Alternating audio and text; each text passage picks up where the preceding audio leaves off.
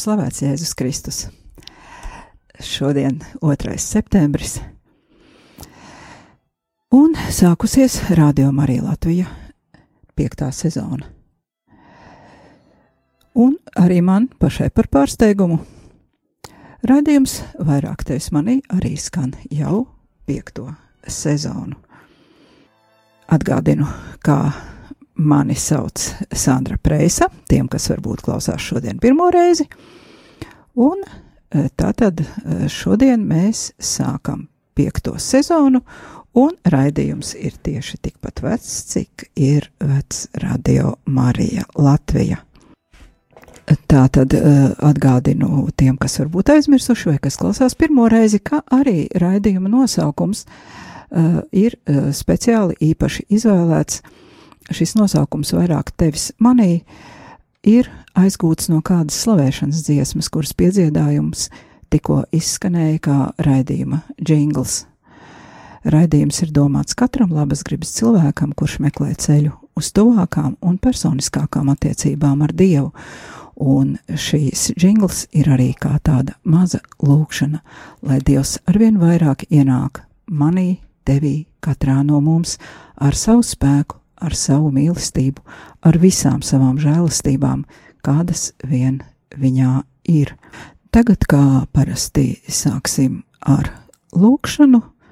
Lūksim visos mūsu pašu un rādījumu arī ziedotāju nodomos. Lūksimies par svētā Dominika sekotājiem Baltijā un Francijas provincē. Lūksimies par Dominikāņu lajiem, kuri vakar salika mūža solījumus, un arī par jaunu dibināto Liepājas Dominikāņu laju brālību, kura tika oficiāli apstiprināta šī gada 29. augustā.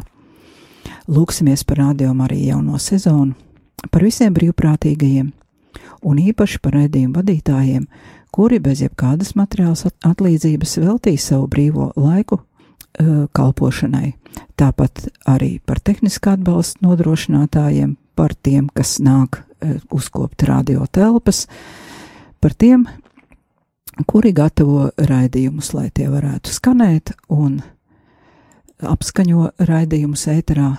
Šeit, kā zināms, kalpojumu ir ļoti daudz un rādījuma arī darbība ir iespējama vienīgi smeļoties Dieva un jūsu mīlestībā, jo arī mūsu brīvprātīgajiem darbiniekiem diennaktī, tāpat kā visiem citiem, ir tikai 24 stundas, un viņi kalpo pēc tam, kā ir nostrādājuši savas 8 stundas darbā, eh, parūpējušies par ģimeni, viņiem tāpat ir arī draugi, nogurums, slimības un viss pārējais, kas ir jebkuram normālam cilvēkam. Tātad lūksimies par to, lai mums visiem pietiek spēka kalpot, lūksimies par to, lai arī jūsu vidū rastos jauni aicinājumi kalpošanā Dieva tēva un dēla un svētā gara vārdā Āmen. Tēvs mūsu, kas esi debesīs, svētīts lai top tavs vārds, lai atnāk tava valstība, tavs prāts, lai notiek kā debesīs, tā arī virs zemes Mūsu dienascho maizi dod mums šodien, un piedod mums mūsu parādus, kā arī mēs piedodam saviem parādniekiem, un neieved mūsu kārdināšanā, bet atpestī mūs no ļaunā. Amen!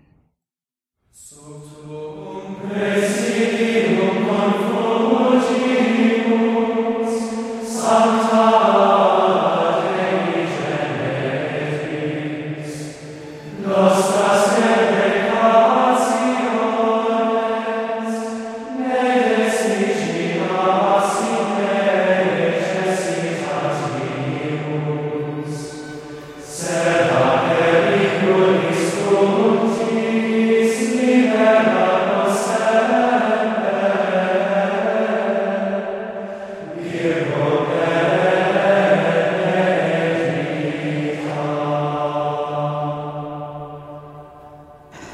izskanēja Dominikāņu dziedātā lūkšana tavā patvērumā, un tagad turpinām mūsu raidījumu. Tātad atgādinu, skan raidījums vairāk tevis manī, un ar jums ēterā esmu es, Sandra Prēsa. Vispirms eh, nedaudz atskatīsimies raidījumu vēsturē, un nedaudz ieskicēšu arī šīs sezonas raidījumu tematiku. Jā, eh, kāpēc gan es ievadā teicu, ka šis raidījums ir pārsteigums man pašai? Un tas, ka tas ir jau piekto sezonu. Uh, lai vieglāk būtu mani saprast, un uh, varbūt arī smeltos kādas iedvesmas uh, savu aicinājumu izpildīšanai, es mazliet padalīšos ar šī raidījuma vēsturi. Kad 2015. gada sākumā es uzzināju, ka tiek dibināts Radio Marija Latvija, es no sirds nopriecājos, ka tiem cilvēkiem, kuriem ir laiks un patīk klausīties radio, būs iespēja dzirdēt katoliskas raidījumus un piedalīties lūkšanā. Bet attiecībā uz sevi es nekādā veidā nedomāju kaut kā piedalīties šā radio tapšanā, jo uzskatīju, ka tas nav mans aicinājums, tas nav mans medijs, un arī ikdienā radio klausījos ļoti reti. Nodomāju pie sevis, radio nav mans medijs, un par to aizmirsu. Un tad 2015. gada septembrī pavisam nejauši iepazinos ar radio darbinieku Māri Veliku. Toreiz radio vēl nebija tapis, vēl bija viss šeit remonta darbi, gruveši. Un mēs ar viņu nedaudz parunājām, un viņš ieteicās, ka es varētu veidot kādu raidījumu radio. Bet uh, mēs bijām tikko iepazinušies, un tā saruna arī bija tāda, nu, kā jau pirmo reizi, kad cilvēki ir iepazinušies, un man šis piedāvājums nelikās nopietns. Pagāja vēl divi mēneši, un novembra beigās saņem telefona zvanu ar konkrētu piedāvājumu vadīt raidījumu. Un sapratu, ka ta, nu patiešām tas jau ir nopietni.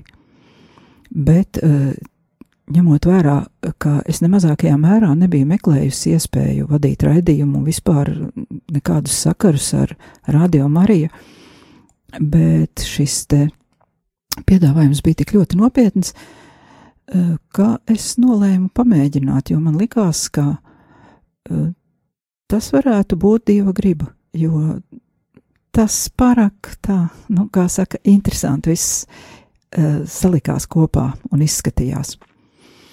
Nu, un tāpēc dažām dienām es atnācu uz studiju un prezentēju iespējamā raidījuma konceptu kuru jāsaka, turpat uz vietas arī biju sacerējusi. Un šo konceptu uh, radiovadība atzina par labu. Nu, man tas bija tā kā tagad moderni teikt, milzīgs lēciens ārā no komforta zonas. Mans pirmais raidījums bija mana pirmā reize mūžā radio studijā pie mikrofona. Nu, ne tikai pie mikrofona, es vispār nebiju nekad, nekad, nekad bijusi radio studijā, un tagad man ir sagatavots raidījums, teksts, ar kuru es gribētu dalīties ar klausītājiem, un es sēžu studijā pie mikrofona pirmo reizi mūžā. Ja teksts nebūtu bijis izdrukāts uz lapām, ēterā būtu bijusi pusstunda klusuma, jo mans apmulsums bija tik liels, ka es nebūtu varējis pat savu vārdu pateikt. Tā nu ir pagājušas jau četras sezonas. Šajos gados esmu daudz apgūsi, daudz kā jauna, un es vēlos ar šo stāstu iedrošināt arī jūs Ja jums ir kāds piedāvājums, kaut kas ļoti interesants, ko jūs nekad neesat darījuši, mēģiniet. Varbūt tas ir tiešām dieva aicinājums, un ka Dievs jūs aicina iet līdz šim pavisam nepazīstamu ceļu, un nebaidieties mēģināt. Jo, ja nemēģināsiet, jūs tā arī nekad neuzzināsiet, varbūt tas patiešām ir jūsu ceļš. Un tā nu šovakar es esmu šeit jūsu priekšā un centīšos kopā ar jums arī šogad piedzīvot jaunus garīgus atklājumus tajā, ko Dievs mums ir sagatavojis. Šī gada lielākā daļa materiālu atkal būs saistīta ar Dominikāņu garīgumu, jo tas ir ārkārtīgi bagāts, neizsmeļams, un Dominikāņiem, kā jau es agrāk esmu stāstījusi, ir 400 svēto, eh, ja mēs sadalām 800 eh, gadu ko eksistē šis ordenis un 400 svētie, tas nozīmē, ka katru gadu ir vidēji ir kanonizēti divi cilvēki. Tas ir milzīgs devums, vai ne? Un Dominikāņu garīgums uh, arī ir ārkārtīgi piemērots, uh, lai lai varētu no tā ko mācīties, jo tas ietver sevi sludināšanu, mūža izglītošanos un aktīvu kontemplatīvo dzīvi. Sezonas laikā būs gan Dominikāņu svēto dzīves apraksti, jo, kā jau teicu, viņi ir 400, tātad daudzus mēs vēl neesam dzirdējuši. Būs jauni svētie, par kuriem mēs vēl neesam runājuši nekad raidījumos, Būs arī jauni Dominikāņu autoru darbu tulkojumi, un arī skatījums uz baznīcas un katra kristiešu misiju pasaulē caur Dominikāniskā garīguma prizmu. Šā gada oktobri Pāvests Francisks ir pasludinājis par misiju mēnesi, un tādēļ īpaši šajā mēnesī mēs pievērsīsimies misiju tēmai. Lai gan Jēzus ir teicis: ejiet un sludiniet visām tautām, un tādēļ jebkurš īsts kristietis ir misionārs pēc būtības, un visu laiku, ne tikai vienu mēnesi. Jāpiebilst arī, ka materiāli, kurus es esmu paredzējis izmantot raidījumos, lielākoties būs mani tulkojumi no dažādiem rakstiem un grāmatām, kuri latviešu valodā pagaidām vēl nav pieejami, jo to, kas ir izdots latviski, jūs varat paši sameklēt un izlasīt, un tā, tādam raidījumam nebūtu nekādas vērtības.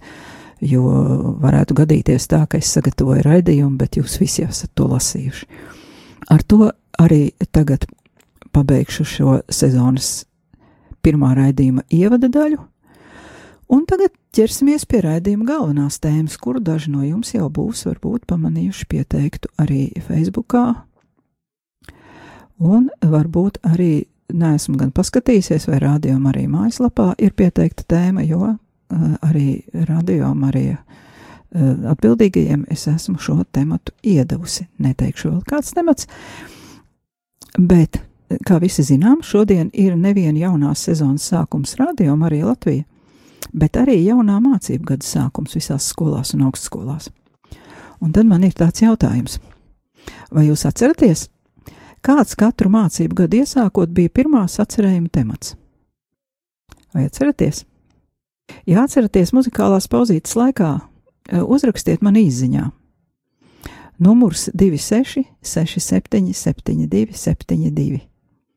Tātad numurs 26, 67, 72, 72. Īziņa numurs, tas, uz kuru jūs sūtat aizlūgumus. Tātad, vai atceraties, kāds jums skolas gadu iesākot bija pirmais sacerējuma temats? Un tāpat eh, arī atgādinu ētera telefonu numuru, jo varbūt kāds no jums vēlēsies raidījuma gaitā arī piezvanīt un padalīties kādās savās zināšanās vai piedzīvojumos vai informācijā. Tātad telefona numurs 67 969 131. Bet tagad eh, neliela muzikāla pauzīte, un arī eh, šī pauzīte mazliet norādīs uz to, par ko mēs runāsim tālāk. Eh, ieklausieties, un, var, ja uzminat vai atpazīstat mūziku, tad varat arī rakstīt vai zvanīt un teikt, ka esat atpazinuši un minēt, par ko mēs runāsim tālāk. Bet tagad klausamies! Un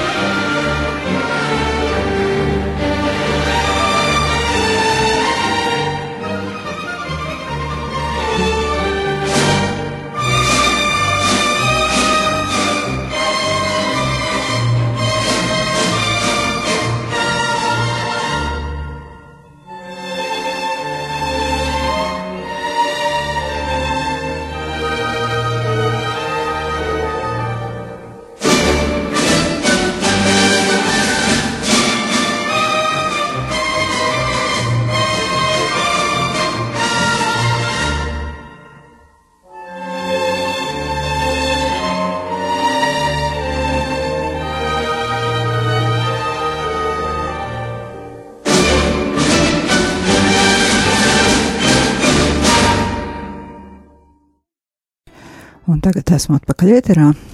Tātad izziņas es gan nesaņēmu, bet nu, tā jau mums te notiek. Noteikti jau kā kāds no jums atpazina šo melodiju. Tās bija Brāmsa Ungāru deja fragments, un tā tad Ungāru deja. Bet viss nebūs tik vienkārši, jo stāsts būs par Rumāniju. Jā, varētu jautāt, kāds sakars Rumānijai ar Ungāru dejām. Varbūt jūs zinat. Ja zinat, un varat arī dažos teikumos pastāstīt citiem klausītājiem, tad gaidu jūsu telefona zvanus uz numuru 67 969 131. Tātad jautājums, vai jūs zinat, kāds sakars Rumānijai ir ar Ungāru dejām?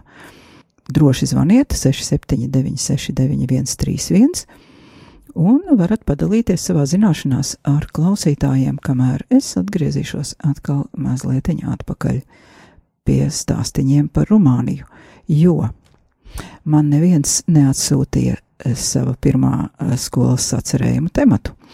Katru gadu, kurš vienmēr, vienmēr, vienmēr atkārtojas. Un, ja es pateikšu, jūs noteikti atcerēsieties, tas ir temats, ko tu darīji vasarā Tātad katru gadu, kad mēs aizjām skolā, septembrī pirmais sacerējums ir par to, ko mēs esam darījuši vasarā. Un arī šis raidījums, raidījuma turpinājums būs par to. Kamēr gaidu jūsu zvanus un īsiņas, sākšu stāstīt savu stāstu. Vasarā kopā ar savu meitu un Rīgas sastās vidusskolas skolotājiem un darbiniekiem devos ekskursijā pa zemi, par kuru faktiski nezināju itin neko. Jau septembrī mēs ar meitu pieteicāmies šim braucienam uz Rumāniju, lai gan pašas nezinājām, uz ko īsti esam pieteikušās. Vienkārši paļāvāmies uz to cilvēku vārdiem, kuri organizēja braucienu, jo viņi, protams, to raksturoja vislabākajā veidā. Par Rumāniju tiešām nezinājām neko, nu, tik daudz, cik kaut kur medijos raksta, nu, zinājām, ka Rumānija ir iestājusies Eiropas Savienībā, zinājām, ka Rumānija ir viena no nabadzīgākajām Eiropas Savienības valstīm, nu, bet tā ir tikai tāda teorija un, un mediju informācija, jo nekad nebija iznākusi saskari ne ar rumāņu cilvēkiem, ne arī ar šo kultūru tā personīgi. Oktobrī saņēmām arī īsu aprakstu par ceļojumu maršrutu, taču šis apraksts tāpat mums maz ko izteica jo, nu, nosauktas ir kaut kādas pilsētas, par kurām mēs neko nezinām. Pirmo reizi lasām tādu pilsētu nosaukumus. Uh, savukārt, kad stāstījām draugiem un paziņām, uh, kad dosimies uz Transilvāniju, visi kā viens jautāja, vai mēs brauksim apskatīt vietas, kur dzīvojas Drakula. Jā, gandrīz vai kauns atzīties, ka arī par slaveno Drakulu es zināju visai maz. Uh, tikai to, ka pastāv leģenda par kādu vampīru, kurš it kā dzīvojas īstenībā, uh, Eh, kurš ir vēsturiska persona un par kuru ir sarakstīta grāmata un Holivudā uzņemta filma. Un arī šo filmu es neesmu redzējusi, jo mani nekad nav īsti interesējuši tie vampīru stāstiņi. Un eh, tā tad izredzes eh, klausīties vampīru stāstīņus un skatīties, kur tie vampīri dzīvojuši, nu tas man, teiksim, tā nesevišķi uzrunāja. Bet, nu, es cerēju tomēr, ka būs kaut kas vairāk nekā tikai Drakula. Un tā nu pienāca 26. jūnija rīts, un mēs devāmies piedzīvojumā. Eh, piedzīvojums sākās ar braucienu autobusā, kurš, nu, teiksim tā, eh, nebija īpaši aizraujošs, jo ceļš bija garš, stājāmies, lai atpūstos no lielās sēdēšanas, bet tomēr visiem sāpēja kājas, un mēs ļoti gaidījām, faktiski pirmajā dienā, kad sasniegsim nakts mājas. Lai gan ceļš cauri, cauri polijai bija garš, tomēr galamērķa vilinājums mums lika aizmirst par grūtībām, jo tik tiešām gan es, gan arī ceļabiedri, mēs visi jutāmies tā kā ceļā uz nezināmo, jo lielākā daļa, arī tāpat kā es, īsti nemaz nezināja, kas tur tālāk notiks. Un šis te galamērķa vilinājums tā tad bija tas, kas mums ļāva izturēt šo te garo ceļu autobusā.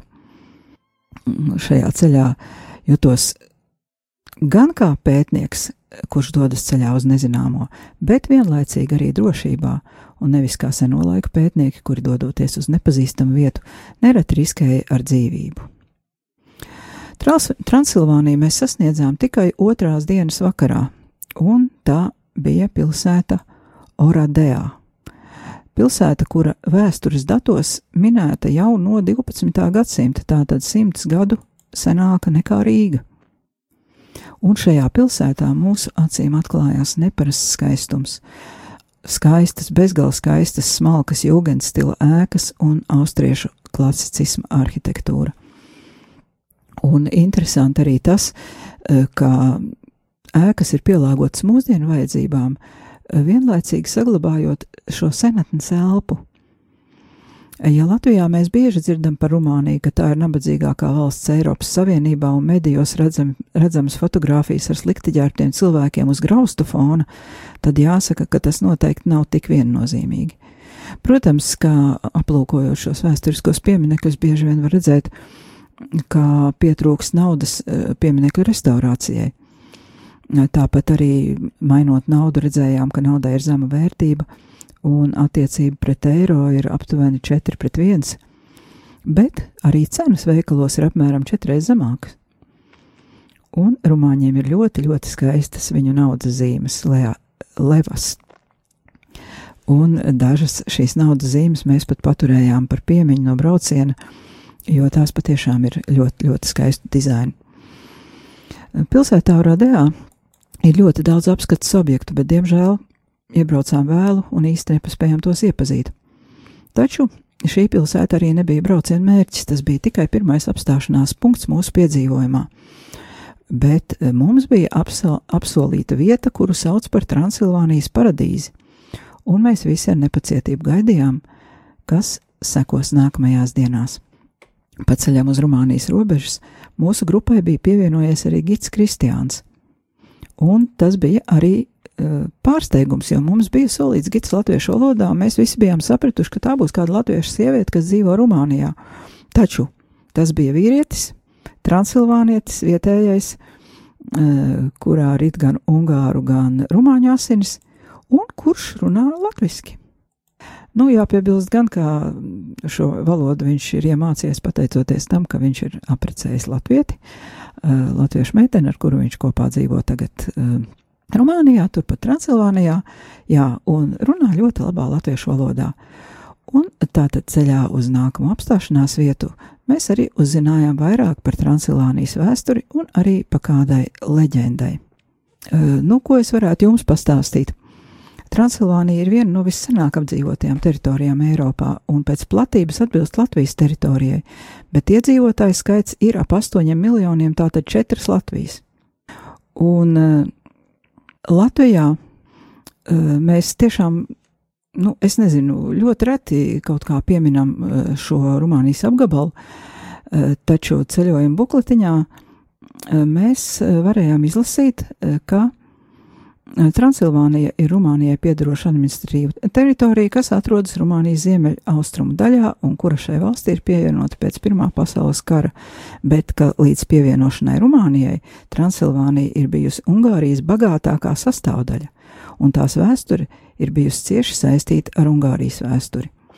Un ar to arī ir izskaidrojams no pārējās Rumānijas atšķirīgais kultūra vēsturiskais mantojums, kas pārsteidz ar savu krāšņumu, daudzkrāsainību un arī ar vietējo iedzīvotāju patieso lepnumu, ar kādu šis kultūras mantojums tiek glabāts un celts godā.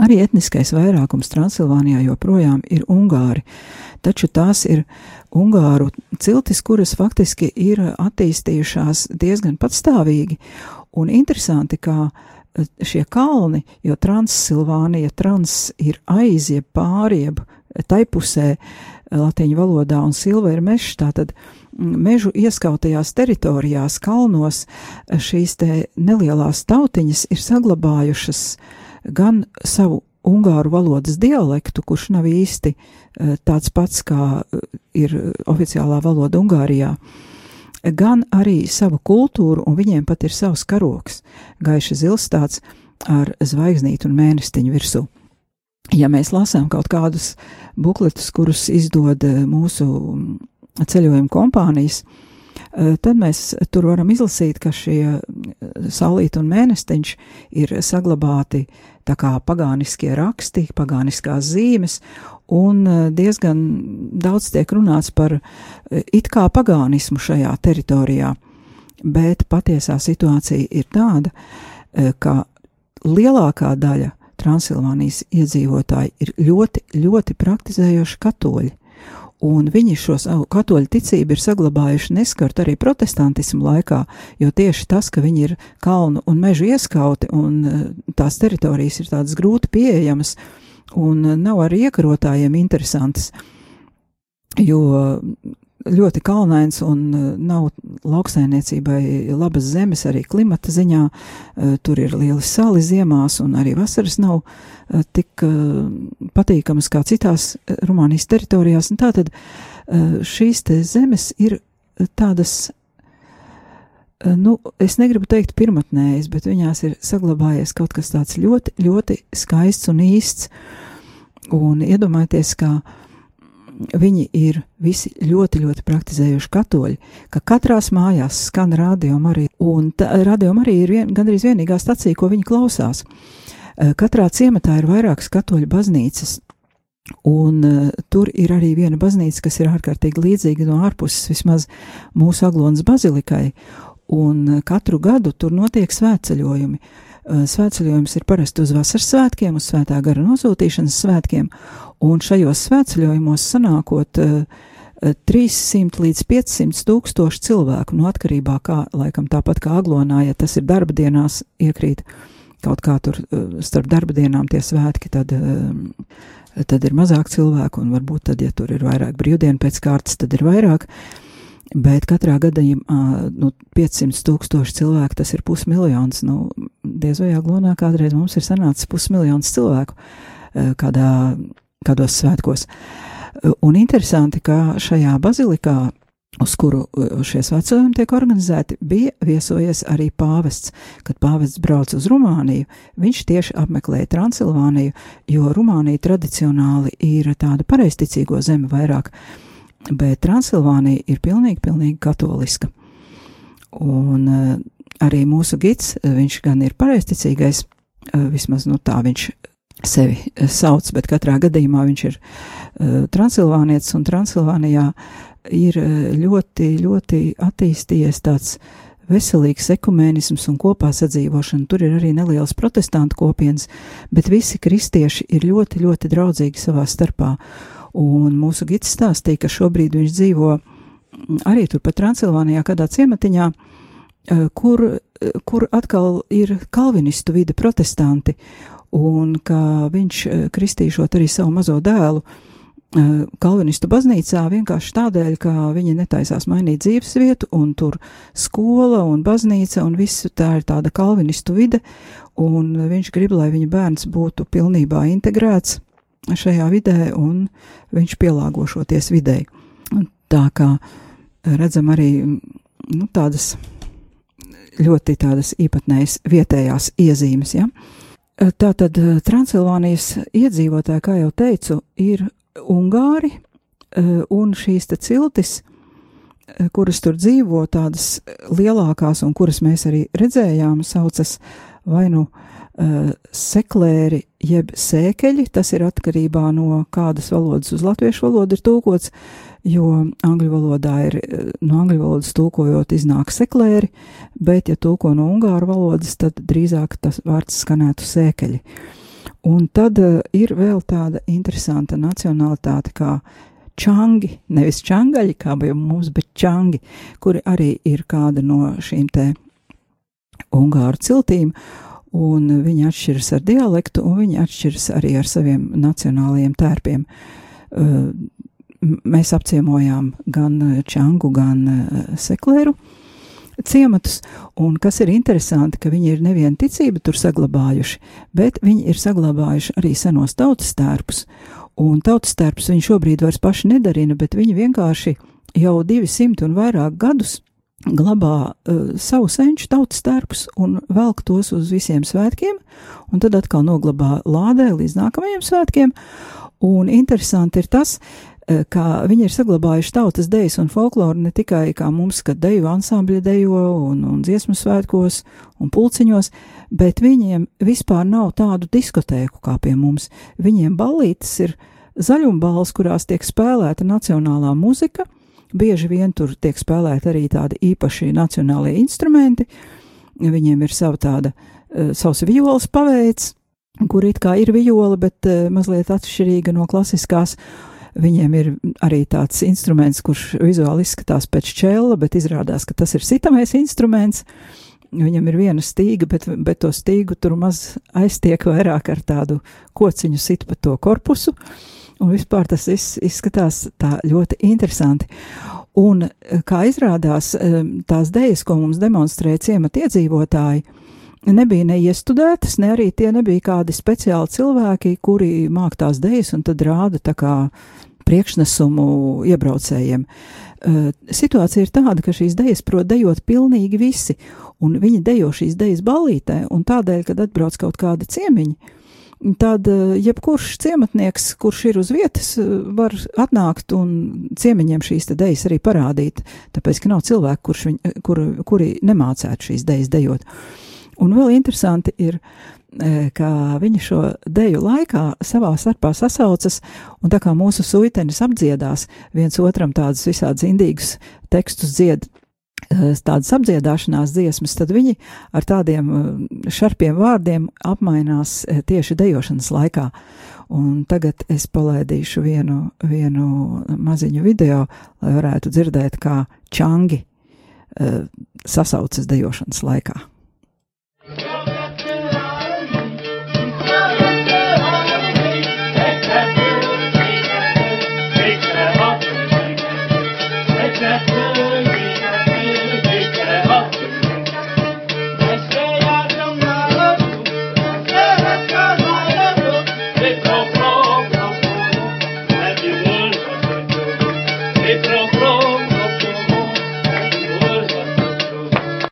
Tie bija čangi, un uh, tad uh, tajā otrā ciematā, kurā mēs bijām, uh, tur ar, atkal sekleri mums rādīja savas idejas, un arī tur bija tāda sasaukšanās, bet tur sasaucās meitenes. Un iepriekšējā tajā video, ko mēs klausījāmies muziku, dzirdējām arī to ritmu, un ritms tiks izstieši pa to instrumentu, pa to jocīgo čelveidīgo instrumentu. Uh, kuru es pieminēju. Un tagad paklausīsimies, eh, kā seklēri, seklēru meitenes iesāk čardašu.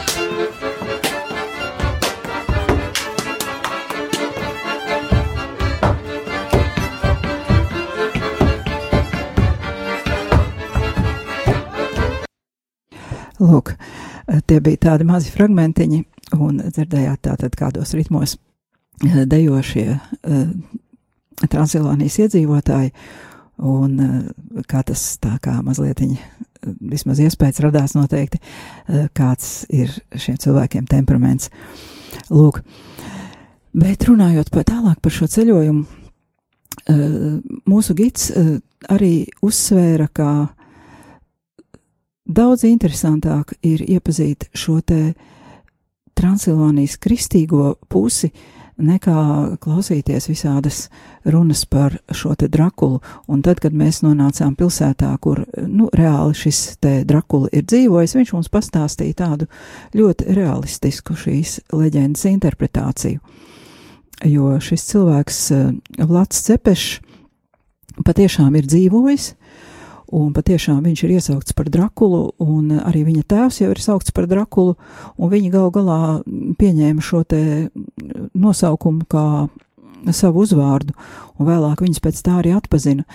Taču tā vēsture, kāpēc uh, tas viss ir sācies, ir pavisam prozaiska, jo uh, šie te Vlads III, kurš ir tas īstais Drakula, par kuru ir stā, tie vampīru stāstiņi, viņa tēvs arī bija Vlads. Viņš saucās Vlads II. Un viņi abi divi piederēja kādam ordenim, kurā, katoļu ordenim, militāram ordenim, kura zīme, kura simbols bija drakons. Bet vienkāršā tauta ticīgā tauta uzskatīja, ka drakons ir vēlna simbols.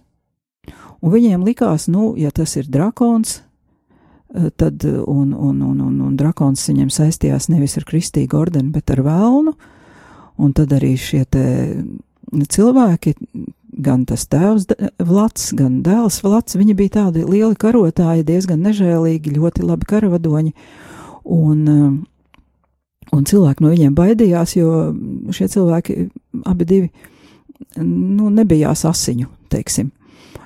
Un, eh, jā, un no šīs te viņu nežēlības, no šī te viņu spējām karamākslās un no šā te simbola, uh, ordeņa simbola, kas bija drakons, sāka rasties arī šie te stāstiņi par saistību ar kaut kādiem nelabiem gariem, par kaut kādiem vampīriem un tam līdzīgi.